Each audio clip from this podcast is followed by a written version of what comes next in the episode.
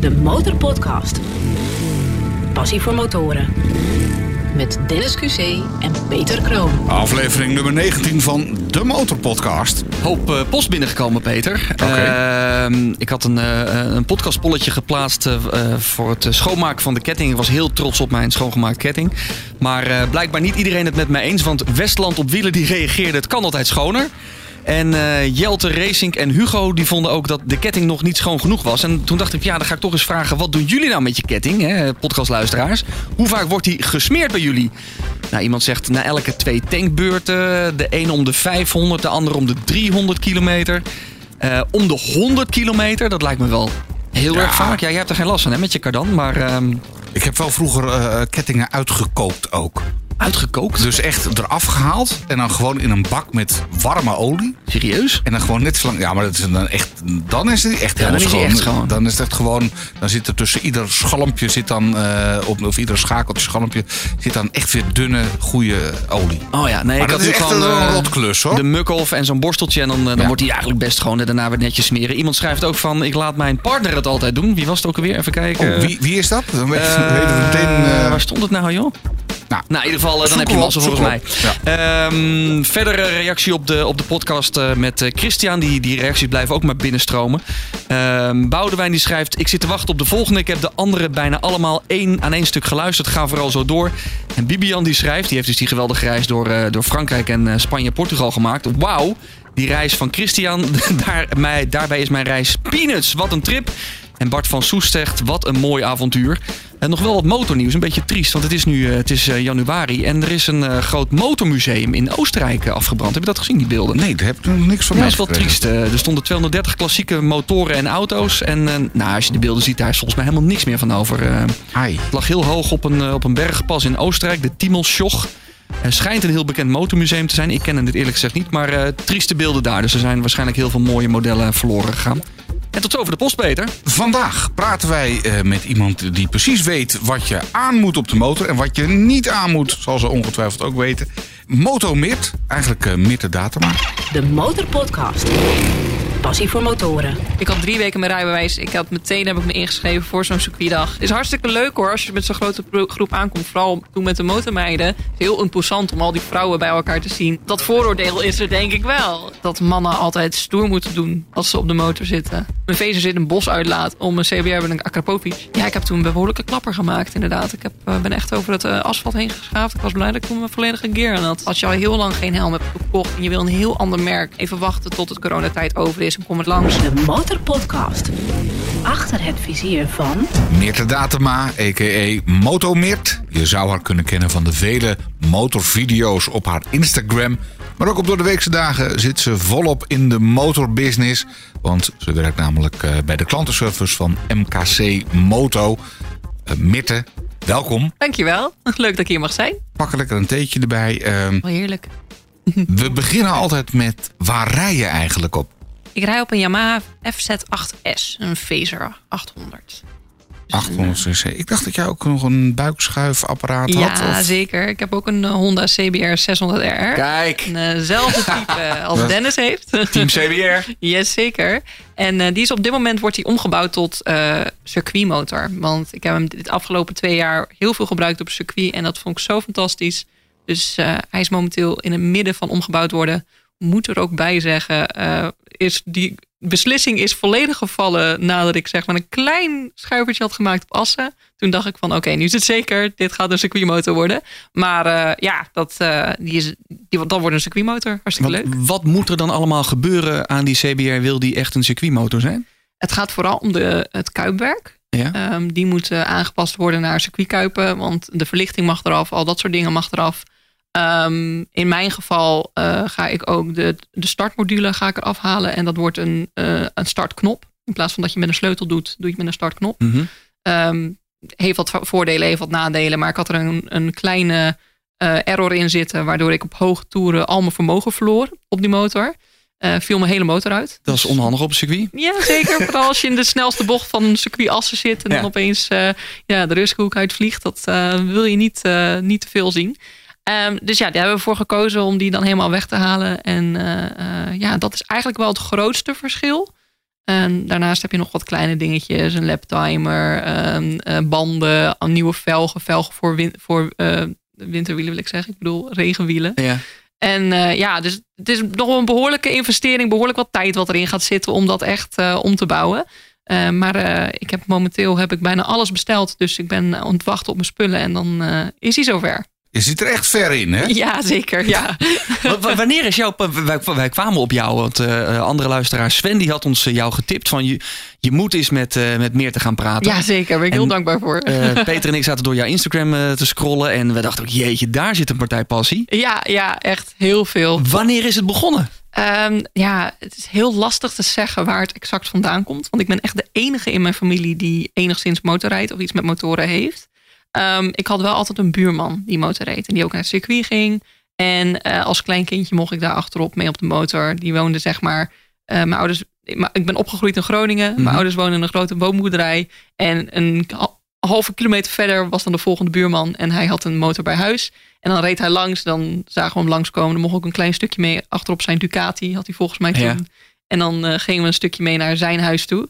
En ik denk dat het wel een klein beetje daar begonnen is. Ik heb ook altijd vriendjes gehad die toevallig allemaal motorrijbewijs hadden of kregen of een motor kochten. Dus ja, ik denk dat het op die manier een beetje erin gerold is. Maar het is niet iets wat er met de paplepel is ingegoten door mijn ouders. Of oh, zo. dat dacht ik. Die heeft vast een vader en een moeder die nee. al heel lang. En... Nee, oh, nee okay. absoluut niet.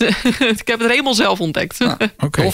Ik zei het net al, jij bent degene die weet wat je aan moet op de motor. Ja, klopt. Dat is niet voor niks, want je bent teamleider van de klantenservice bij uh, MKC Moto. Ja, dat is correct. Dus door de week zit jij ook helemaal in de ja, jassen pakken enzovoort. Ja, het is echt een beetje een uit de hand, uit de hand gelopen hobby, kun je wel zeggen. Ja, je bent, je, je bent gewoon, ja, je, je bent, bent motor. Mo motormeert. Ja, dat ja. is echt, ja, dat is, uh, het is, het is mijn identiteit bijna. Het, uh, het, het, is mijn passie, mijn leven. En uh, ik vind het echt fantastisch. Ik vind het heerlijk om met alles met motoren bezig te zijn. Um, ja, om mijn werk als teamleidster, dan heb je natuurlijk klanten aan de telefoon. En dat, daar heb je zo vaak zulke leuke gesprekken mee. Dan gaat het gewoon over de passie van diegene, die klant die jou belt. Ja, dat is zo leuk om, uh, om mee te maken. Soms zit je zo met 20 minuten met iemand aan de telefoon. Gewoon omdat hij aan het vertellen is over zijn dingen die hij heeft meegemaakt. Nou, dat is superleuk. Het is een mot motorkledingcentrum, hè? Dus ja. je zou zeggen van ja, dat gaat dan vooral over wat voor helm moet ik op, wat voor handschoenen, uh, dat soort gesprekken. Ja. Maar ja, vooral, we hebben ook natuurlijk een hele grote online webshop. Daar gaan heel veel vragen over. Ik wil wel zeggen dat daar wel 80 tot 90 procent van de vragen over gaan. En soms heb je gewoon 10 procent van de mensen die gewoon advies willen. En dat zijn echt wel de leukste belletjes. Mensen die gewoon um, uh, al heel lang motorrijden, een nieuwe helm willen aangemeten krijgen. Of zeggen van, ik, ja, ik, ik rij al zo lang motor, ik wil een keer een nieuw pak.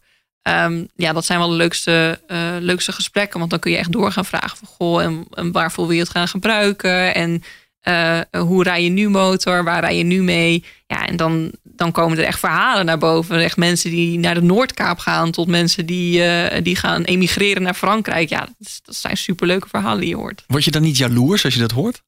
Ergens wel natuurlijk. Ja? Omdat je wel denkt van... oh, dat lijkt me echt heel gaaf. Maar um, ja ik probeer het gewoon altijd heel erg. Ik, ik ben vooral heel blij voor die mensen, zeg maar, dat ze dat hebben kunnen meemaken, als je snapt wat ik bedoel. Ja. Um, want ja, dat is toch hartstikke tof voor iemand dat je zo, zoiets kan gaan doen. Dat is, ja, ik, het, is, het, is, het is een gezonde jaloezie. Hoor je dan ook wel eens verhalen als jij iemand hebt geholpen met, weet ik veel, uh, speciaal pak, omdat iemand uh, de, de kou in moest, uh, een, een koude reis gaat maken, dat hij dan later weer belt van, joh, bedankt voor je hulp, want ik heb deze reis gemaakt en dat was perfect in dat pak? Uh, ik heb iemand een keer gehad die zelf bloemen wou langsbrengen omdat hij zo goed geholpen was. Dus dat, uh, dat soort dingen krijg je ja. soms wel. Ja. Jullie doen wel heel goed aan klantenbinding. Ik moet opeens uh, toch een motormomentje, een helm gekocht. Ja. En loopt de winkel uit, helemaal blij, niks aan de hand. En komt thuis, zit, zit dat, dat beveiligingslabel oh, er nog nee. aan. Moest ik weer 100 kilometer terug. Ja, oh, Alarm ging ook niet af. Dus nee. dat wel letterlijk goede klantenbinding. Ja, ja. Maar um, je, je schrijft ook van: ik weet alles te vertellen over motorkleding en accessoires. Ja, wat is de accessoire waarvan jij zegt... nou, ik ga geen dag zonder die accessoire op pad? Uh, dat moeten wel mijn uh, uh, communicatiesystemen zijn. Ja? Ja. Ik, ik heb een communicatiesysteem op mijn helm zitten. Ik rij wekelijks, ik denk zo'n 400 kilometer... op en neer naar mijn werk en naar mijn vriend in Brabant. Mm -hmm. En ja, dan met een communicatiesysteem op de snelweg is super. Ja, want je vriend rijdt ook? Ja, mijn vriend rijdt ook. Mijn vriend is eh, racer. Die rijdt in de Benelux Cup. Dus die is, eh, nou ja, die is nog wat serieuzer op een circuit bezig eh, dan mij. Ja. Is hij, is hij die, die, die R1 waar je zo jaloers op bent op je Insta? ja, zeker. Oh, kijk. Ja. kijk, kijk, kijk. Oké, dus als jullie samen rijden, dan kun je lekker met elkaar kletsen. En als je Ja. alleen rijdt, dan heb je daar eh, je radio op of eh, navigatie, dat soort dingen. Wie Nou. rijdt de beste rondetijd op Assen van de twee? Hij, dat gaat hij winnen. Ja.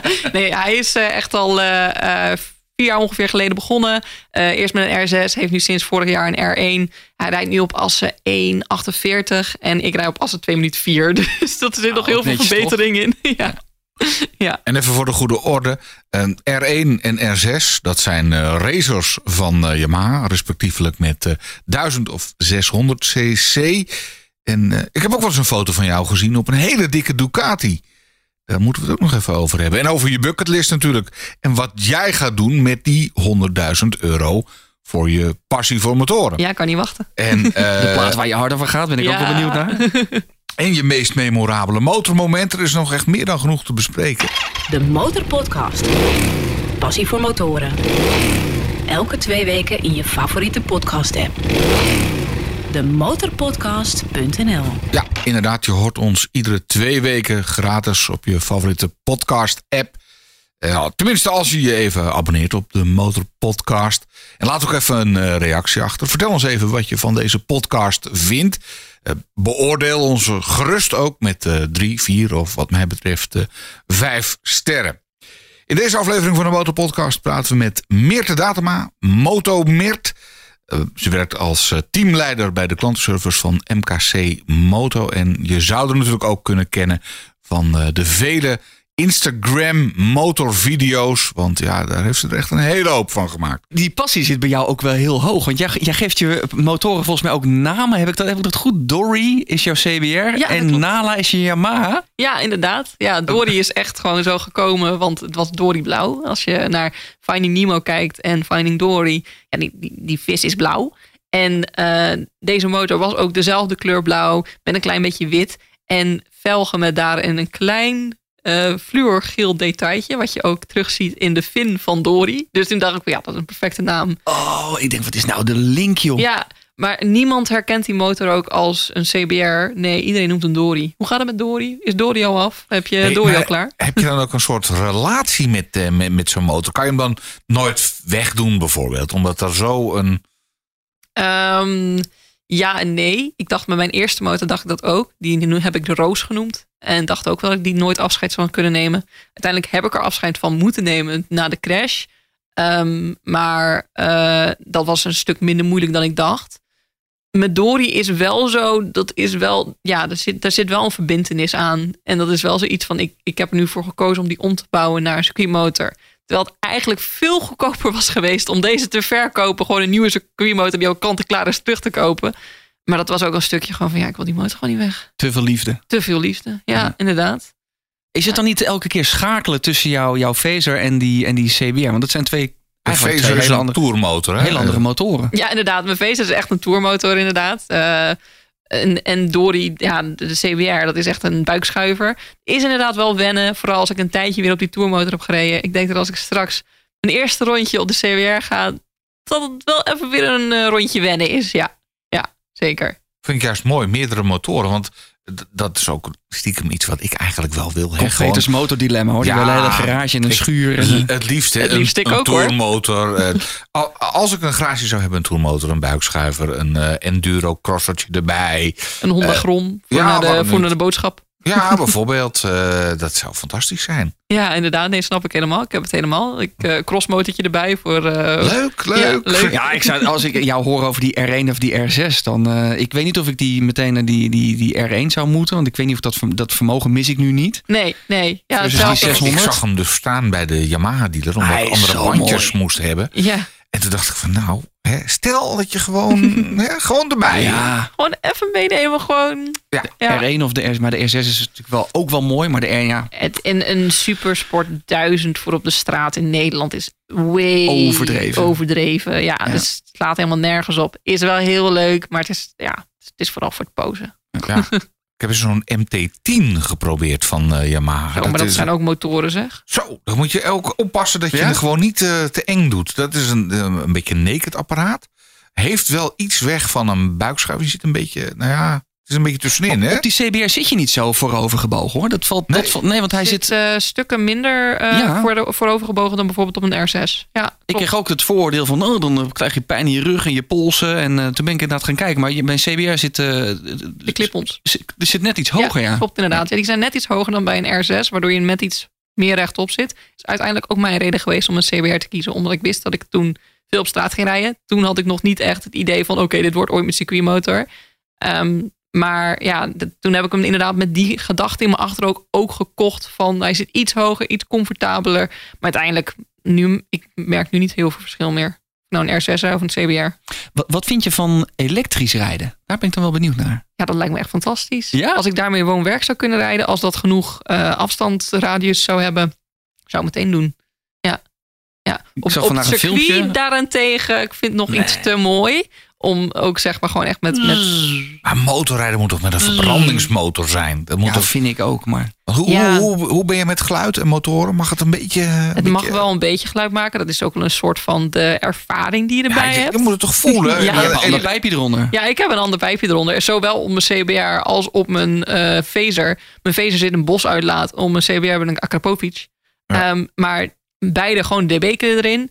En eh, ja, het doet meer voor de looks dan eh, dat het echt voor het geluid dan met een stukje eraf zagen. Goed, of pagaatjes bij boren. Ja.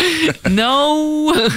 Nee, maar ik zag dat filmpje en dan inderdaad, dan, dan hoor je zo... Dan hoor je zo ja, de Moto E. ik denk, ja, mm.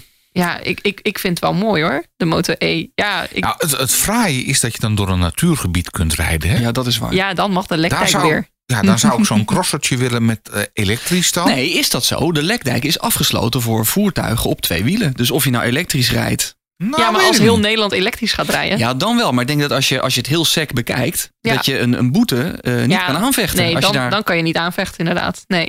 Het, het staat niet eh, eh, dat het verboden is voor, eh, voor voertuigen die veel meer dB eh, produceren dan bijvoorbeeld 101 decibel. Dat, dat staat er niet. Hoor ik dan dat jij voorstander bent van het weghalen van dat verbodsbord en dat er gewoon moet staan eh, alles onder de, weet ik veel, 80 dB mag er langs? Dat vind ik wel een goede eigenlijk. Beter controle op geluid dan op Ja, type voertuig. alhoewel eh, ik vond laatst had ik, vond, hoorde ik daar een goed statement over. Als je daar met twee motoren tegelijkertijd langs rijdt en dat produceert meer dB, hoe Ja, ga je dat dan aanvechten? Ja. Ja. Dat, dat vind ik wel een lastige. Nou, misschien toch elektrisch dan. Elektrisch, ja, dat eh, wordt de toekomst sowieso. De Motorpodcast. Passie voor motoren. Meerte, jij zit eh, beroepshalve in de motorkleding. Is er nou zoiets als echte motormode? Iets wat je dit jaar aan kunt, maar wat dan volgend jaar gewoon eigenlijk niet meer kan? ik snap de vraag inderdaad. Eh, gebeurt niet heel veel, niet jaarlijks iets. Want eh, mode qua motorkleding, dat is iets, niet iets wat je voor één jaar koopt. Ehm, dus je ziet zeg maar wel stijlen en trends over een aantal jaar heen. Eh, bijvoorbeeld nu is urban heel populair. hè. Dus eh, eh, jeans met een simpel jasje, eh doorwaaijasje in de zomer... en een open helm die je achterover kan klappen. Dat is momenteel heel populair. Het is een- zo'n het is zo'n helm ook alweer. Een Systeemhelm? sy- systeemhelm Ja. die open kan Maar je klappen, mag, dat, dat zag ik er van de Mag week niet meer wel- rijden, in, toch, als je ja, hem open In een videootje van Robert Dalsem, een van de eerste eh podcast eh, die, we, die we hebben opgenomen was met hem. En hij legde uit dat je mag alleen open rijden als hij dubbel gekeurd is. Ja, klopt. Je hebt inderdaad twee helmen die eh, gekeurd zijn op als je er open mee rijdt. Dan Ja. zijn ze CE gekeurd. En gekeurd als die dicht is. Dus eh, dat is een heel verschil. De meeste systeemhelmen worden alleen gekeurd als die dicht is. En Ja. dan is die ook eh, goed gekeurd om mee op de snelweg te rijden. Om mee sneller te rijden. Die kun je, achterover, die kun je over achterover klappen. En dan is het eigenlijk niet meer goed gekeurd. En er zijn dus helmen waarbij je hem dicht kan klappen en open kan klappen. En dan zijn ze allebei gekeurd. Ik denk dat we ook een keer een special moeten maken over helmen, Peter. Dat lijkt me hele Nodig een helmenfabrikant uit en want daar kan je ook echt Ja. uren mee vullen volgens mij. Echt, er is zoveel toeno over motorhelmen. Dat is echt niet normaal. Je had het over eh, de, de urban kleding. Ja. Is urban kleding dan net zo veilig als een motorpak, één of tweedelig? Ehm, ligt eraan. We raden het niet aan om ermee lange stuk over de snelweg te rijden. Simpelweg omdat je niet de veiligheid van ritsen en dergelijke hebt die aan elkaar ritst. Bij bijvoorbeeld een textielpak of een leerpak of iets dergelijks. Ja. Ehm, het zit vaak of met een lusje aan elkaar of met een korter ritsje. En dat is gewoon minder veilig.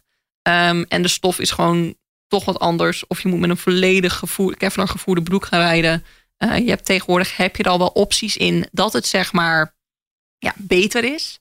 Um, maar als je echt met een hele Kevlar gevoerde broek gaat rijden, dan heb je vaak al hele dikke broeken. En ja, we raden gewoon aan om urban te gaan rijden. Als je binnendoor gaat rijden, als je in de stad gaat rijden, daar is het perfect voor. Maar als ik er met 80 een schuiver mee maak, dan zou ik dat zou goed moeten kunnen gaan. Het zou goed moeten kunnen gaan. Ja, okay. dat is wel op getest. Ik heb altijd dat soort uh, spijkerbroek aan. Gewoon, uh, daar, daar rijd ik meestal mee. En heb ik alleen een pak erbij voor als het koud wordt. Maar nou mm -hmm. moet ik binnenkort een nieuwe helm. En ja, dat vind ik online bestellen toch een beetje eng. Ja. Hoe doen we dat ik. in coronatijd ja. bij uh, MKC? ja, nou, we hebben sowieso geven we daar heel veel tips over. Over hoe en wat je, je daarin kan doen.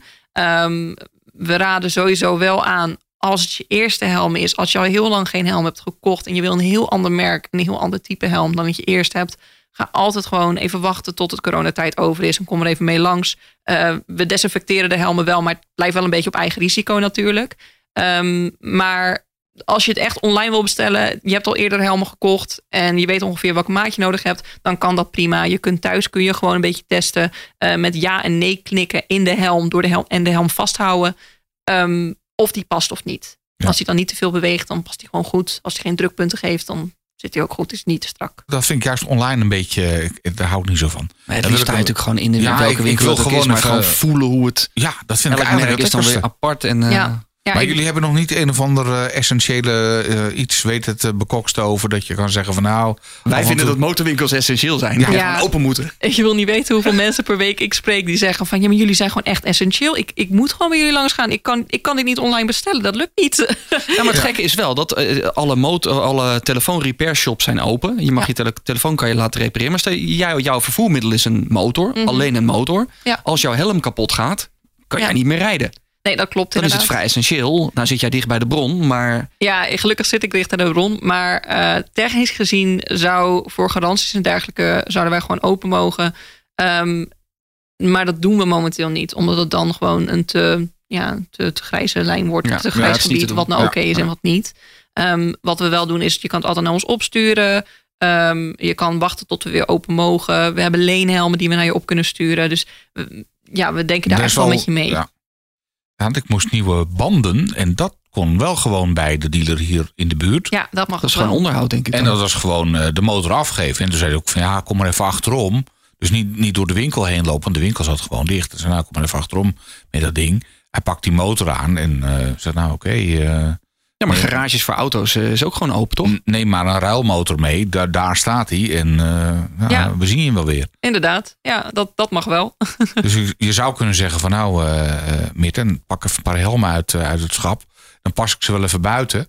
ja, En als ze goed zijn, dan eh, degene die goed zit, eh, die, eh, die rekenen we even af. Er zijn meer mensen die zo op. denken, maar dat is echt een te grijs gebied. En Dat ja, gebeurt dus. een- ik zie gewoon echt mensen die bij ons op de Rijneke Boulevard, waar motorkleding of MKC Moto eh, zit, zie ik gewoon echt dat ze daar langs rijden en dat er een man in de auto zit met een klein pennetje en een papiertje. En Ah, gewoon even nou, dan, dan wachten we gewoon Maar, even ja, de coronatijd af. Dat, Als die coronatijd eh, voorbij is, waar rij jij het liefst in Nederland? Want je maakt best wat kilometers. Ja, ik maak heel veel kilometers. Ehm, ik ga denk ik het liefst dan terug naar de Roots uit Groningen. Daar Ja. heb ik mijn rijbewijs gehaald in eerste instantie.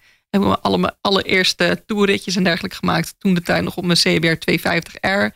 Kleine dingetje. Ja. En eh, ja, dat is gewoon zo'n mooi landschap daar. Rustig, eh, mooie bochtige wegen.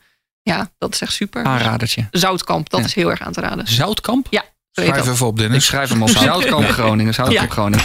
De Motorpodcast. Passie voor motoren. In deze aflevering van de Motorpodcast praten we met Moto Mirt.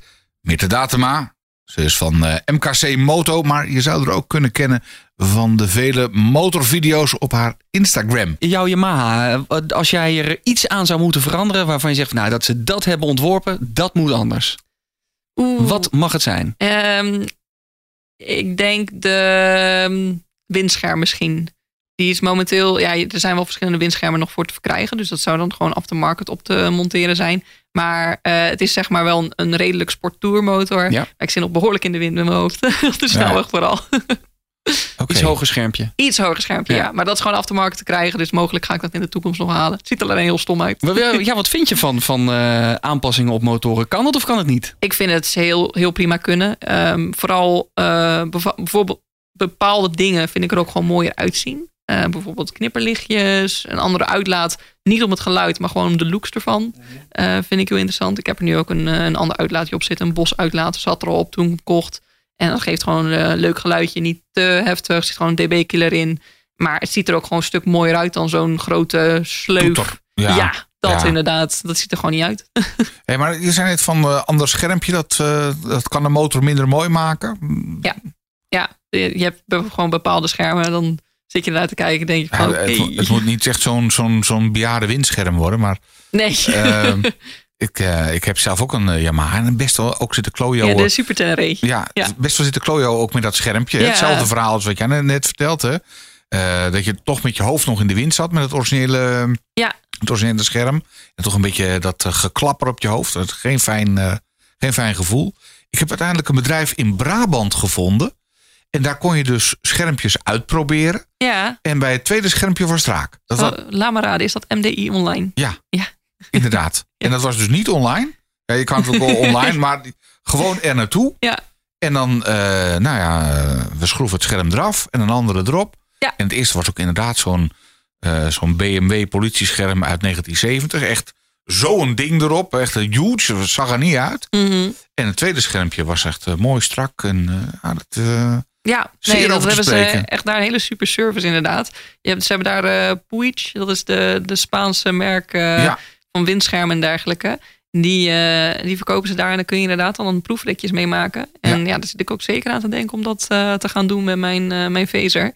Ehm, maar ja, dat is inderdaad het, het, sommige van die schermen, dan kijk je ernaar en denk je van ja, het maakt de motor wel minder mooi dan origineel. ja. Maar ze hebben er echt heel veel. En omdat je, je lief woont daar ook in de buurt, toch? In ja, Brabant. zeker. Ja, Nou, dan ben je, dan ben je in de Even buurt. langs. Ja, Even ik zou, langs. Ja, inderdaad. ik zou Maar je moet met me eens zijn dat het ook de originele spiegels op die CBR bijvoorbeeld, Mhm. die zien er niet uit. Nee. Terwijl als je daar van die mooie hoekige op laat maken, dan past het weer bij het design. Ja, maar is wel, is wel persoonlijk hoor. Je hebt zeg maar, eh, Ja. je, je bepaalde en die, die hoekige inderdaad, ja, dat ziet er ook weer raar uit. En het, is, het is heel lastig om daar, je moet er ook een soort van aan groeien. En die originele, dat is echt zo, zo on- ontworpen en zo. Ik vind het altijd wel mooi, maar ja, dat is gewoon echt heel persoonlijk, Ja. denk ik. Ben je, ben je zelf een knutselaar? Ehm, nee, ik heb wel echt twee linkerhanden wanneer het om eh, motoronderhoud gaat. Ik kan, eh, door mijn vriend, die heeft een hele goede eh, werkplaats. waar ik een beetje aan kan sleutelen met werkbank en dat soort dingen. Een hele grote werkkast. En daarmee kan ik zo hier en daar kan ik mijn eigen kapper losschroeven, een oliebeurtje doen en dat soort dingen. Maar verder dan dat gaat het ook niet Nee. echt. Ik heb echt twee linkerhanden als het om eh, Want techniek gaat. Wat was nou je eerste motor waar je op begon? Want we hebben dat verhaal niet afgemaakt net. Ja, ik ben eh, in eh, Groningen heb ik mijn lessen afgemaakt. En toen ben ik begonnen op een Honda CBR 250R. Ja. Echt een A2-motortje was dat. En ja, daarmee ben ik begonnen. En ja, heb ik denk ik wel een aantal duizend kilometer sowieso mee gereden. En toen ben ik die mee verhuisd naar hier naar het westen. Mhm. En ehm, daar heb ik hier nog in het westen nog zo'n eh, twee jaar mee rondgereden. En toen sprong er een hert bovenop. Oh, oh ja, nou, dan is het klaar. Toen was ik klaar, ja. Eh, hoe was het met Hert daarna? Eh, geen idee. Zat Hoe was het heel met veel- Ja, mij ging het op zich wel goed eh, naar omstandigheden. Want het was wel een flinke klapper. Hert die, eh, is weggesprongen, maar er zat wel heel veel bloed en, eh, en haar onder mijn velg. Oké, dus die is dus wel ergens tegenaan gekomen, maar ik heb hem niet meer gezien. was het voor jou pijnlijk? Ja, ik heb toen een behoorlijke klapper gemaakt, inderdaad. Ik heb, ben echt over het asfalt heen geschaafd. Ik was blij dat ik toen mijn volledige gear aan had. En verder nog wel eens ellende meegemaakt op dat gebied, of niet? Valt mee. Niet echt, nee. Nee, behalve mijn schuifje dit afgelopen jaar op Assen. En ik heb een keer mijn motor gebackflipt toen ik een wheelie probeerde. Maar Ja. En je moet het een keer oefenen. Dus, je eh, moet het een keer oefenen, ja. Het was wel een hele fijne was je alleen of niet? Nee, ik was met, vriend, met een vriend van mij. En eh, we waren in België bij eh, Circuit Zolder. Ja. Waar we naartoe gereden voor gewoon een, een leuk, ja, een leuk ritje.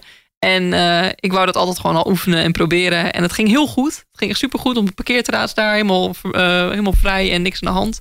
En toen op een gegeven moment toen eh, reed ik door. En ik had zeg maar een andere tandwielverhouding op mijn motor zitten. Ja. Waardoor zeg maar ehm, hij toch iets te snel omhoog kwam. En toen klapte die achteruit. En dan, dan voel je je heel beschaamd. Maar eh, mijn vriend die vertelt het nog steeds vol trots op elk feestje waar we naartoe gaan. Eh. Laat hij dan ook zijn telefoon zien of is er geen beeldmateriaal? er is helaas geen beeldmateriaal oké, van. nou kom je goed Wel weg. van hoe de motor er achteraf uitzag. Maar Maar je, je kon er nog mee terug. ik kon er nog mee terug, ja. Ah, oké. Gelukkig wel. De Motorpodcast. Passie voor motoren. Elke twee weken in je favoriete podcast-app. Demotorpodcast.nl Op jouw eh, Instagram maak je heel veel, eh, ja, ook motorfilmpjes eigenlijk, hè? klopt. Ze zien er leuk uit. Van, vooral die, eh, ja, ik vind dat wel grappig. Als je dan spring je naar beneden of je springt naar boven... en heb je ineens een motorpak aan. En dat soort... eh, Inderdaad. wat wil je daarmee bereiken? Moeten mensen zien wat voor motorpak je hebt? Of stiekem wat voor motorpak je verkoopt? Of, eh, Nee, ja, goed. Ik, ehm, eh, ik ben er eigenlijk zo'n anderhalf jaar geleden mee begonnen, gewoon voor de lol. Ik ben een heel creatief persoon, dus ik kon daar echt mijn creativiteit in kwijt. Ehm, ik vind het leuk om filmpjes te maken die voor mensen herkenbaar zijn. Dus een motorfilmpje over het motorrijden in de winter als het heel koud is. Of hoe erg je je motor mist of zoiets, weet je wel. Ehm, ja, dat vind ik gewoon hartstikke leuk om te delen met mensen. En eh, ik merk er ook altijd heel erg aan dat mensen zich heel erg in kunnen vinden. Dus dat vind ik heel leuk ik heb momenteel tegenwoordig wel een samenwerking. Dus dan vind ik het leuk inderdaad om dat pak te laten zien. Ehm, daar ben ik ook hartstikke blij mee. Dus eh, ja, dat is echt, eh, daar is dat wel uitgekomen. om je, je, wordt, je wordt gesponsord. Dus ma- mag je het pak dan houden? Ja, ik word Ja. inderdaad. eh, ik heb een samenwerking met Magna. Ja. En eh daarmee heb ik nu zeg maar mijn winterkleding en mijn eh, racepak, mijn racekleding en mijn verwarmde kleding voor in de winter. En daar ben ik nu ook mee komen aanrijden, heerlijk warm in, de, in de winter. En eh, ja, dat, eh, dat werkt heel goed. Als je nou wil weten hoe Meerte eruit ziet in dat, eh, dat Magna Park, volg er even op Instagram. Motomeert, M-Y-R-T. Dus Motomeert op Instagram. En eh, ja, volg ons ook als je ons nog niet volgt natuurlijk. At de Motorpodcast. eh, eh, dan eh, blijven, blijf je op de hoogte van ons. Maar jouw pak, want Peter had het erover. Een Bluetooth pak. Ja, Ja, klopt. Zonder dat we nou reclame moeten maken speciaal voor dat park. Maar ik ben wel benieuwd Nou, hoe wij, werkt wij het. willen er toch ook wel één. het? eh, ja, maar ik te Ja. bibberen van de week met, met drie graden op, in mijn mid-season park. Als we nou gewoon wat vaker wat zeggen, dan, dan wil misschien... eh, mag, nou, ja. Is er ook een herenversie? er is zeker een herenversie, ja. Wat doet het pak? Ja, het is inderdaad een, eh, een, een, het verwarmde kleding. Het is een onderpak, een onderjas en een onderbroek. En eh, ook sokken en handschoenen. Handschoenen zijn al wel langer bekend. Ehm, maar eh, dat er ook een broek van is, een jas en sokken en dergelijke, dat is wel minder bekend. En die kun je gewoon aansluiten op de accu van je motor of op een accu-pack. Mhm. En daar zit inderdaad Bluetooth in. Dus wat dat betekent is dat ik een app op mijn telefoon heb. En daarmee kan ik de standen van die jas en die broek kan ik gewoon hoger of lager zetten. Linkervoet is wat koud. Wacht even. Precies. Ja, dat is echt geniaal. Het is echt dat er nog niet eerder over bedacht is. Dat, ik vind het zo Dat is- slim. dat oh, ik zit dat nu te bedenken. Van mijn linkervoet is wat koud. Maar dan kan je gewoon zeggen, doe mijn linkervoet maar wat warmer. Ja, inderdaad. Ja, of juist eh, gewoon, hey Cardo, left foot warmer, left foot warmer. Ja. Dat werkt nog niet. Dat zou wel mooi helaas. zijn. Met de volgende update. Dus de volgende update. Magna, als je meeluistert. Maar hoe relaxed is? Ja, ik zat me van de week. Het is, eh, het, is, van de week was het drie graden buiten. En toch nog even een paar uur gaan rijden. Maar dan is het wel koud hoor in de mid-season park. Achter dat kleine CBR-schermpje. Ja, Ja, geen last van. Niet te doen, joh. Ik heb een berenvel gekregen, maar daar was ik al eens over begonnen. Ja, dat zei vorige aflevering. Ja, ik heb een eh, ja, het spul, spul wat ook, waar ook teddyberen van gemaakt worden. Nou, lekker maar. En dat, als je dat aandoet, dan eh dat is niet verwarmd met de elektriciteit. Maar dat is wel heel warm ook. Dus Ja. dat is wel, eh, wel Oh, is ook fijn. wel lekker, inderdaad. Ja. Maar dan zie ik er ook, ook echt uit als een teddybeer. dus Op je krijtler. op mijn krijtler is dat helemaal verkeerd. Maar eh, nee, dan ga ik in de winter niet mee naar buiten. Nee, maar gewoon Oh. de gewone motor wel. Dat, eh, dan doe ik mijn berenvel aan. Rij jij liever eh, alleen of met je vriend of in groepen? Of wat is jouw favoriete Ehm, ik denk in een klein groepje. klein Dat groepje? vind ik het leukste. Dat Grote is groep eh, vind ik Vijf leuk. of zo? Ja, maximaal vijf, denk ik. Want dan hou je gewoon het overzicht. Ehm, dan rij je meestal met mensen die je goed kent, eh, waar je goed mee overweg kan, eh, waarvan je de rijstijl een beetje kent. En dan, dan kun je je makkelijker op elkaar aansluiten. Ik, heb, ik ben redactrice geweest voor Motormeiden. En ik ben ook zeg maar heel veel in dat soort grote groepen mee geweest. Mhm. Vond ik superleuk. Heel leuk om te doen ook. Ehm, maar je houdt dan toch het overzicht wat lastiger. Ja. Ehm, dus ja, dat, eh, ik, vind, ik vind vijf, vijf vind ik altijd goed. Ja. Ja, dat is ook mooi. Dan kun je een beetje bij elkaar blijven. En dan kun je ook allemaal nog door het groene licht.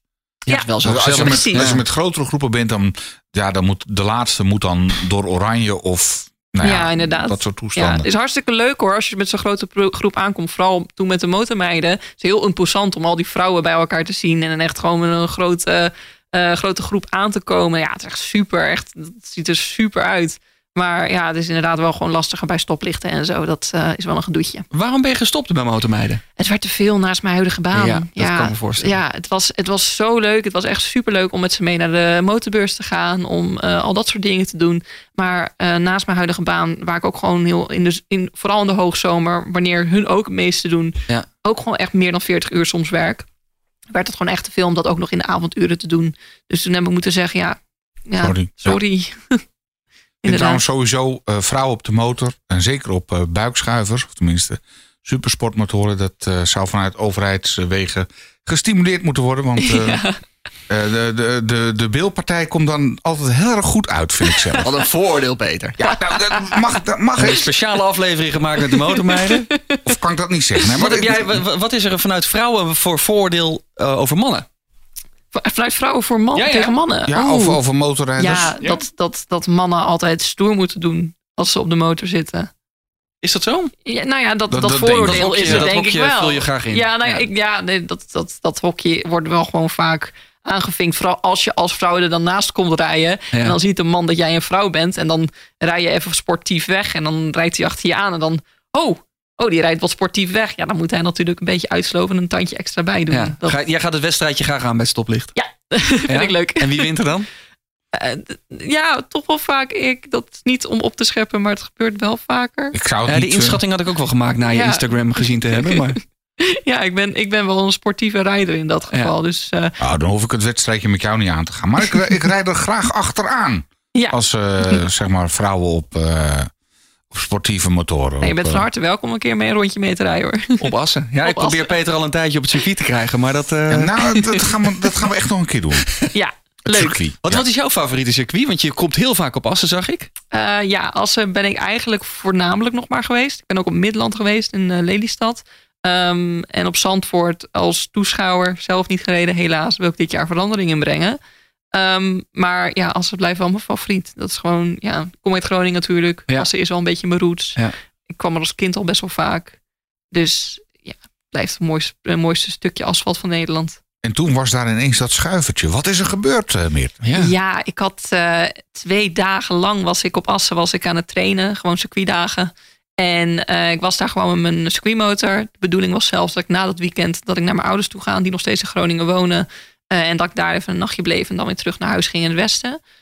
Ehm, en de eerste dag ging alles goed. Ik had wel wat issues met mijn motor, dus dat hij uitviel op hoge toeren. Ehm, en Oh. dat waren we aan het proberen te fixen. Ja, dat is inderdaad dat, dat alles uitviel. Dat het dashboard uitviel, de hele motor viel Oh, uit. Dat is wel, eh, En ja. dan dan rij je toch helemaal niet Nee, meer lekker. nee, dan kan je knutselen wat je wil. Maar Dan kun je knutselen wat je wil. Inderdaad. Dan rij je 220 en is opeens alles weg. Ja. Alles. nou, dan sta je daar. Dat is, dat, gelukkig heb ik het elke keer goed toen tot stilstand kunnen brengen. Maar ja, toen de tweede dag ehm, ging alles nog steeds lekker. Probeerde toch elke keer een beetje je PR een beetje verbeteren natuurlijk. Want mijn PR was 204. Ik wou Ja. wou hem toch graag naar die twee minuten toe brengen. Maar dat lukte helaas niet. En toen de allerlaatste sessie, de allerlaatste ronde, en bijna de laatste bocht. De finishvlag, die was aan mij, aan mij laten zien. Want je hebt nu mooie digiboards op assen. De finishvlag had ik al gezien. Toen kwam ik Langeveen Duikensloot uit. Dat is een hele lange doordraaiende bocht achterin op assen. Mhm. En ik voelde opeens mijn achterband wegslippen. En ik denk, oeh. Maar ik ging helemaal niet zo heel hard. Ik was helemaal niet aan het pushen, want ik had de finishvlag dus al gezien. Dus ik denk van, rustig uitrijden. We zijn bijna bij eh, de pitstraat. En dan ga ik naar binnen. En dan is de dag over. Toen voelde ik mijn achterband wegslippen. Dus ik mijn motor rechtop zetten. En ik denk van, oké, shoot. Als ik nu weer ga inhangen, dan doe ik een lowsider. En dan lig ik op het asfalt. Mhm. Maar als ik nu rechtop blijf, daar is grind. Daar is de grindpak. Ja, dat is de betere optie. Dus ik dacht van oké, ik ga rechtop. Ik ga naar de grindpak toe en hoop dat de grindpak me af, afremt. Afremt, ja. En dat ik stil kom te staan. Maar helaas was de grindpak iets te kort voor mijn snelheid. En toen was er een stuk gras en daar heb ik hem neer moeten leggen. Dus gelukkig, eh, de schade viel daardoor heel erg mee, omdat ik hem dus in het gras heb neergelegd. Maar eh, dat was wel pijnlijk. Maar je had ook kunnen gaan rollen en dan was je veel verder van huis geweest. Ja, inderdaad. Dus ik heb, eh, mijn motor is netjes gegleden. Ik ben netjes gegleden. Eh, ik had hele coole grasstrepen op mijn eh Magna-pak staan daarna. maar eh, ja, mijn motor, die, de, vooral de topkuip, die was beschadigd. En de, de originele fairwings waren beschadigd. En ja, dat doet dan wel pijn als je je motor zo ziet Ja. staan. En zeker dan ook na de vlag. Ja. Ja, Jeetje. Dat was wel echt een van de dan echt, echt allerlaatste moment van de dag. Iedereen was al aan het, aan het inladen. Ik was echt de allerlaatste sessie van iedereen die reed. Ze waren al aan het inladen om naar huis te gaan. En ik zou eigenlijk niet meerijden. Ik zou, ik zou op mijn eigen motor, op mijn eigen gangetje naar mijn ouders toe gaan. En eh, hun gedag zwaaien. En toen opeens, ik kwam er niet binnen. En toen begon ik dit toch een beetje zorgen te maken. Van, goh, het duurt zo lang, de sessie is wel afgelopen. En toen kwam ik eraan op een karretje. Dan moet je het hele circuit rond achter Ja. op zo'n karretje. Dan moet je het hele circuit rond weer naar binnen. En dat duurt natuurlijk even. Dat is best wel een groot circuit Ja, dan. wees blij dat je er zo vanaf bent gekomen. Ja, ja, ik ben er echt heel goed vanaf Maar gekomen. twee dagen training, dan, dan ben je ook echt wel op. Ik was wel inderdaad moe. En dat is ook zeker, een eh, inschattingsfout van mezelf geweest. Ja. Ehm, ik had gewoon die laatste sessie eigenlijk niet moeten gaan rijden. Maar ja, dat is altijd achteraf spreken. Luistertip, als je nou zit te luisteren en denkt... joh, ik wil ook wel eens een keer eh, iets weten over circuitrijden... maar dan wel rechtop blijven. Check een van onze eerste afleveringen over motorcircuittraining. Eh ik weet even niet uit mijn hoofd welke aflevering het was, maar... Check hem in je Hij zit podcast erbij app. en dan Ja. komt vanzelf voorbij. Sta- stap je dan wel meteen weer op? Hè? Want je hebt hier een schuiver gemaakt. Je hebt eh, eerder natuurlijk eh, een ongelukje gehad met die ehm, Met die CBR eh, 250. ja. 250. Stap je dan snel weer op? Ja, eigenlijk altijd meteen weer. Het was toen met mijn CBR was het. eh, ik had op dat moment was dat mijn enige motor. Ik had mijn andere motor had ik net verkocht. Eh, ik had daarnaast had ik ook nog een VTR 1000F Firestorm. Dat was eigenlijk mijn win- wintermotor. Maar eh, die had wat problemen gehad en die had ik verkocht. En ik dacht van ik ga rustig aan sparen voor een nieuwe motor voor het naseizoen. eh om dan weer veilig op te stappen in de Ja. winter. Dus ik had, ik had geen andere motor. Dus op dat moment was het echt van oké, ik ga op zoek naar een andere motor. Ehm, ben ik heel snel gaan zoeken en, en ga rond gaan kijken. En toen had ik binnen een week had ik wel weer een nieuwe motor. Dus ja, ik ben niet meer dan een week gestopt met rijden toen. Nee. Ook wel een goede remedie, denk ik. Je hoort heel vaak toch als je een Ja. gemaakt... snel weer opstappen, snel Ja. dat vertrouwen weer pakken en, eh, en door. Ik zag op, eh, op, op je Insta ook wat berichten over eh, dat je familie niet altijd even blij is met, eh, met je motorpassie. ja. Dat doe je dan half in het Engels, hè? Hoe, hoe zit het? Hoe, Nou, het is meer is dat ehm, een parodie om, zeg maar, zoals ik zei, ik maak graag filmpjes waar mensen zich in kunnen herkennen. Ja. En mensen kunnen zich natuurlijk heel goed herkennen kennen in dat, dat ouders het toch een beetje gevaarlijk vinden. Als Zou je dat nou wel doen? Ja. Zou je dat nou wel doen? En het is zo gevaarlijk. Er worden zoveel ongelukken gebeuren met de motor. Ja, dat hoe is- vaak moet jij het uitleggen? Dat het, eh, dat het wel meevalt als je... in het begin heel vaak. Ik denk de eerste twee jaar van mijn motorrijleven heb ik het toch wel een paar aantal keer moeten uitleggen. Ook aan mijn ouders, aan mijn vader, aan mijn moeder. Van ik doe echt rustig aan. Ik heb er echt, ik heb er ook echt speciaal cursussen voor gevolgd bij KNMV. Om beter te rijden, vooral op de, op de openbare weg. Daar heb ik ook heel veel aan gehad. En ehm, dat heeft wel geholpen om ze iets gerust te stellen. Maar ze zijn zelf helemaal geen motorrijder. Dus dat was wel iets wat, eh, ja, wat voor hun wel een, eh, eh, soms wel een beetje lastig was om te zien. Ik denk dat je het aan een niet-motorrijder ook gewoon Bijna niet uit, uit kan leggen. kunt leggen dat het ook veilig kan. Natuurlijk, je bent risicovoller omdat je geen bescherming om je heen hebt. Maar je kan het aan een niet-motorrijder bijna niet uitleggen dat het ook gewoon veilig kan. Is ook heel lastig, inderdaad. En ja, mijn ouders die zijn gelukkig heel supportive. Die zien heel dat dit echt mijn passie is en die willen mij daar echt mee Ja. steunen. Ehm, maar ze hebben inderdaad soms wel tegen me gezegd van doe alsjeblieft voorzichtig. Ja. En ja, Maar ik snap het ook wel, want als je jouw Insta volgt, jij bent niet de, de doorsnee toerrijdster. Jij bent wel iemand die van pit houdt en van snelheid. Ja, absoluut, inderdaad. Maar ik moet wel zeggen, ik hou dat eh, tegenwoordig vooral voor op het circuit. Ja. Ik, met mijn phaser op de, op de weg, ik rij over het algemeen heel rustig. Natuurlijk heb ik mijn uitbarstingen, maar Ja. Ik hou het over het algemeen gewoon rustig, netjes aan de snelheid. Vind ik ook zonde van mijn rijbewijs als ik die kwijtraak. Ja, je bent niet Ja. iemand die dan naar Duitsland rijdt als het even mooi weer is? Nee, ik, ik, ik, dit ga ik iets heel ergs bekennen, maar ik ben nog nooit in het buitenland gereden met mijn motor. Nee? Nooit. Ja, Nee. echt heel erg. ja, ja. België, that's it. Ja, zolder, ja. ja. Nou, ik zag van de week een filmpje van eh Slapside. Volgens die trok hem open tot twee zoveel. Die, had een, die was op de R1 volgens mij een testritje aan het maken. Ja. Eh, op de, ja, in, in Duitsland. ja, ja, ja. Ik heb, ja, ik heb ja. inderdaad Ik- veel nou ja, komen. Houdt ook Ja. van snelheid, maar Ja. sportieve rijder. Ja, maar dat snap ik wel. Als je zo'n R1 dan Ja. even gaat uittesten, ja, dan zou ik inderdaad ook wel even naar de autobaan gaan, even overgooien en eh, even kijken wat dat ding kan. Hij schreef er ook bij, gemaakt voor de Eifel. Ja. Ja. ja, dat snap ik wel inderdaad. De Motorpodcast. 100.000 euro voor je motorliefde. Wat ga jij ermee doen? Ja, wat zou jij doen met 100.000 euro voor je motor? Ja, dat vind Passie. ik een hele goede vraag. Daar heb ik ook het hele week al stiekem over na zitten Heel denken. goed, heel goed. Goede voorbereiding. Ja. Ja, ik zou toch echt wel mijn eh circuitmotor inpakken En alle MotoGP-circuits over de wereld afgaan. Oh En ja, allemaal gaan wauw. Ja. Ja. ja. En mocht ik daar nog iets van overhouden, dan ja, nog even steken in, eh, in je circuitmotor of in mijn, in, in mijn straatmotor, zoiets. Ja. Maar eh, dat zou wel, eh, daar zou dat grootste gedeelte aan opgaan, denk ik. Ja, volg je alle wedstrijden? Ja, zeker. Ja? Ja, op de voet. Eh, als ik niet moet werken, dan, eh, dan kijk ik dat zeker. Ja. Wa- Waarvan denk je, ah, dit is, die, die staat bovenaan. Waar gaat je Phillip ticket? Denk ik. Ja, lijkt me fantastisch. Wat is er zo bijzonder aan? Het is sowieso op een eiland. Ja, tuurlijk, maar En het is, nou ja, Australië. Dat is sowieso ook al eh, een eh, stukje dat je denkt van... Goh, dat zou Ja. echt een vraag heen willen. Zo dicht bij de oceaan. Lijkt me echt een fantastisch circuit om te zien.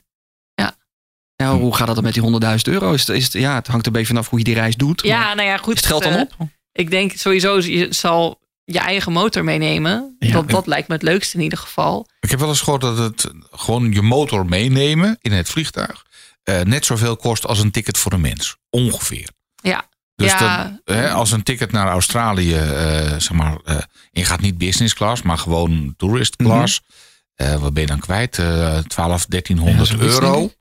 Dus dan zal het ook zoiets kosten om je motor in een kist mee te laten nemen. Maar dan wil jij van eh, Australië naar Abu Dhabi, van Abu Dhabi naar eh, Amerika, van Amerika. Je, je gaat dan alle. Ja, nee, ik zou het wel af. een beetje in logische volgorde doen. Dus niet, eh, niet zoals MotoGP soms doet, echt uh, crisscross over de wereld heen. Dan weer in Spanje en dan weer in Abu Dhabi. Nee, ik zou het wel zeg maar gewoon in chronologische volgorde over de wereldmap heen doen. Ja. en Dan, dan, dan, eh, dan gaat die 100.000 wel rap hoor. Ja, dat denk ik ook wel inderdaad. Misschien eh, even wat circuitjes overslaan die misschien iets te lastig te bereiken zijn. ik, ik dacht, je gaat misschien wel roepen, ja, dat wordt dan toch zo'n dikke Ducati eh, Panigale of zo. Want daar heb ik wel eens een foto van je gezien dat je Ja. erop zit. Ja, Ja, op de Denk nou- motorbeurs volgens mij. Ja, Voor ja, ik openingstijd? Ja, ik heb inderdaad een. eh, eh, dat vind ik al natuurlijk prachtig mooie motoren. Dat zijn echt die motoren waarvan je zegt van zo, als je daarnaar kijkt, dan denk je van, boah. Maar Ja, vind je dat? Daar hadden wij het laatste over. Van, vind je nou Ja. een Ducati? Ik, ik vind een Ducati qua. Ik, ik snap dat mensen dat technisch heel mooi vinden. Dat, en dat ze het ook mooi kunnen vinden. Maar ik vind het persoonlijk geen mooie motor. nee? Nee. Oh, nou, ik zeker. Het is een wel. beetje te lomp als je het vergelijkt met die CBR of met een, met een R1 of een R16. Het Oh, is veel ja. mooier lijnenspel. En ik, de kuipen van een Ducati, dat is, ja, het is een beetje bollig. En, eh, Ja, maar dat, dat is het hem. Juist, het is zeg maar, het is, ja, hoe je het maar kan noemen, het dik. ja, ja, dat snap ik. En ja, dat is gewoon, je staat, er staat wel gewoon een stukje techniek. En dat is wel heel gaaf. Plus gewoon, ja, hoe, hoe, je ziet hoe die, het, oh, hoe die er overal bij staat. En hoe iedereen ernaar kijkt. Ja, Ja, plaatje. het plaatje. Is dat voor jou dan de ultieme racemotor? Nee, nee, dat niet. Dat zou, eh, zou wel een Honda zijn. Ja? Ja, ja. En Momenteel ben ik gewoon volledig content met een 600. Mhm. Want eh, ik ben nog lang niet op het moment dat ik zeg van... eh, ik ga overstap maken naar een 1000. Dat is gewoon echt heel anders op een circuit. Ehm, maar mocht het ooit een keer zover komen... ik heb het geld ervoor en al dat soort dingen bij elkaar... dan zou ik heel graag een CBR 1000 RR R hebben. Een. RRR. ja, ja, de, de, de Wat, twee wat is daar zo bijzonder aan? Wat, eh, Oh, dat zijn zulke mooie motoren. Dat is eh, echt de nieuwste, ja, de nieuwste Fireblade van, eh, van Honda. Ja, die zijn gewoon echt heel mooi om te zien. Niet met zo'n swingarm, want dat vind, ik, dat vind ik bij Ducati bijvoorbeeld ook niet mooi. Hè?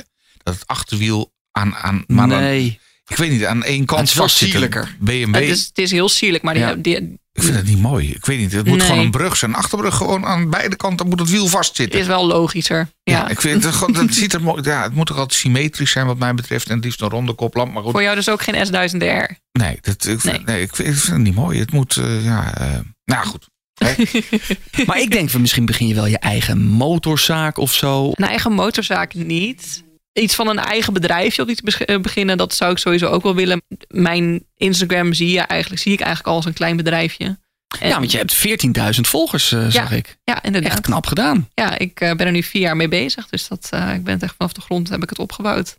Ja, en ik moet wel zeggen dat zeg maar de filmpjes en zo, die slaan gewoon echt heel goed aan. Mensen die vinden gewoon hartstikke leuk. Hoe- Hoeveel tijd ben je dan kwijt aan die filmpjes maken? Want er zitten er echt wel een paar bij dat ik bij mezelf denk, nou, Ja, zeker. Ja, dat gaat Dat- soms. eh, ik denk dat ik één keer in de twee weken ben ik er wel een zaterdag mee bezig. Het einde van deze motorpodcast komt langzaam in zicht. Nog een paar dingen die we even moeten bespreken. Zoals jouw meest memorabele motormoment. En de plaat waarvan je harder gaat. Welk liedje, ehm, ja, waardoor draai jij het gas echt helemaal open? Of als je dat bewuste nummer hoort, dat je denkt van, nou heb ik zo'n zin om motor te rijden. Wat, wat denk jij, Peter? Ik, want ik vind het bij elke Nou, gast die van de moet- vragen wordt het moeilijker. Dus sommigen hebben echt een hele bijzondere keus. Wa- Waar schat jij meer op in? Ik denk toch wel iets een beetje in de dance-achtige hoek. Ja, ik gok ook een beetje die hoek. Ja, dat dance zit het, wel, trends. eh, zit het wel redelijk. Voor jou dus even geen geëikte motormuziek zoals deze. Get your motor running.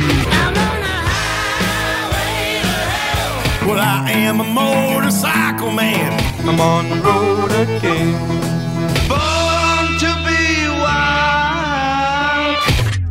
De dag ermee. Wat, eh, waar ga je harder Nou van? het is een nummer wat helemaal niet bekend is. Maar het, het, eh, ik ga er heel eh, snel van rijden. Als ik dat nummer opzet voordat ik bijvoorbeeld ga circuitrijden... nou, dan ga ik echt een tandje harder. En dat nummer heet Why We Lose van Cartoon.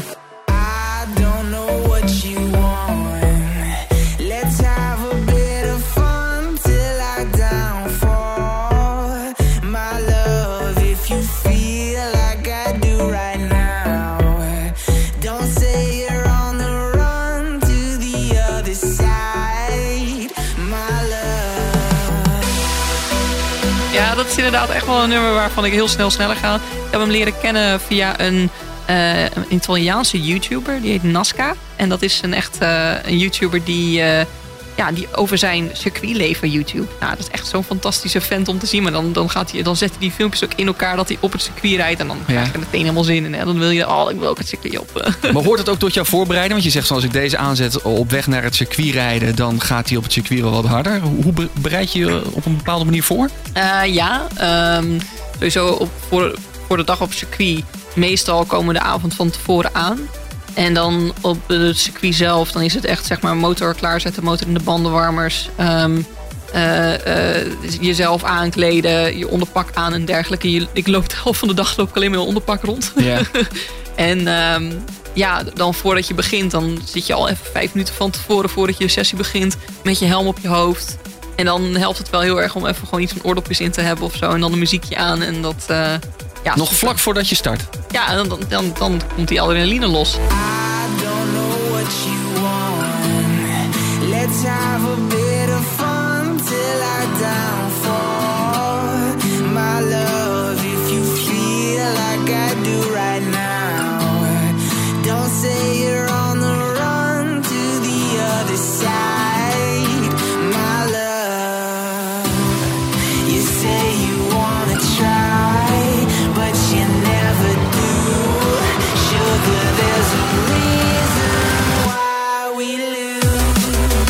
pakt het wel echt serieus aan. Ook met bandenwarmers en zo. En Ja. In die pitstraat. Ja, ik moet wel echt zeggen dat het echt gewoon allemaal eh, toe te wijden is aan mijn, eh, Aan mijn vriend? Ja. Ja. want die, eh, ja, die, die is zelf is gewoon racer. Dus mede door hem heb ik het zo serieus kunnen aanpakken dit jaar. En eh, ja, dat, eh, dat heeft ervoor gezorgd. De Motorpodcast.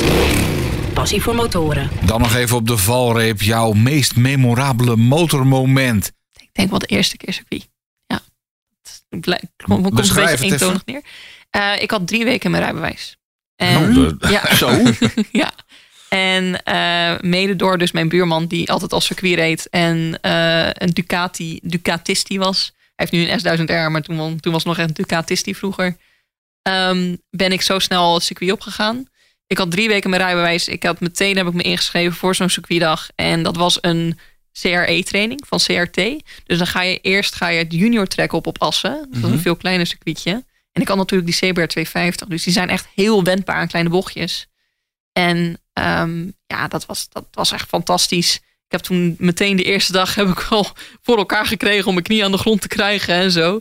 En eh, ja, dat, dat, dat daarna het grote circuit op en dat je dan die baan opdraait en die, die grote vlakte voor je. Zo. Dat is, dat is echt iets wat mij zo Maar respect dat je dat meteen na drie weken je rijbewijs meteen dat Ja. bent gaan doen. En dat, is, dat is wel meteen all in. Ja, inderdaad. Ik was inderdaad meteen al in. Ik, ik wist zeker waar ik voor ging en ik wou er ook voor gaan ook. Een en al motorpassie. Ik denk dat we jou in de toekomst nog een keer moeten spreken. Als je wat nog verder bent met je Instagram Lijkt kanaal. me leuk. En nog wat meer op het, op het circuit hebt gedaan. Ja. Oh, Kijk hoe die CBR bevalt zometeen als hij Ja, helemaal eh, inderdaad. race klaar is. Ik kan niet wachten. Tot hier deze aflevering van de Motor Podcast. Vond je dit nou een toffe aflevering en ben je nog niet geabonneerd? Doe dat dan eventjes in je favoriete podcast app zoals Spotify, Apple Podcast of Google Podcast. Eh, Als je abonneert, dan zijn we er over twee weken weer. Laat ook weten wat je van deze en alle andere afleveringen vindt. Dat kan via Instagram en Facebook. Zoek ons even op, De Motor Podcast. Of gewoon via info@demotorpodcast.nl. De Motorpodcast. Passie voor motoren. Elke twee weken in je favoriete podcast app. Demotorpodcast.nl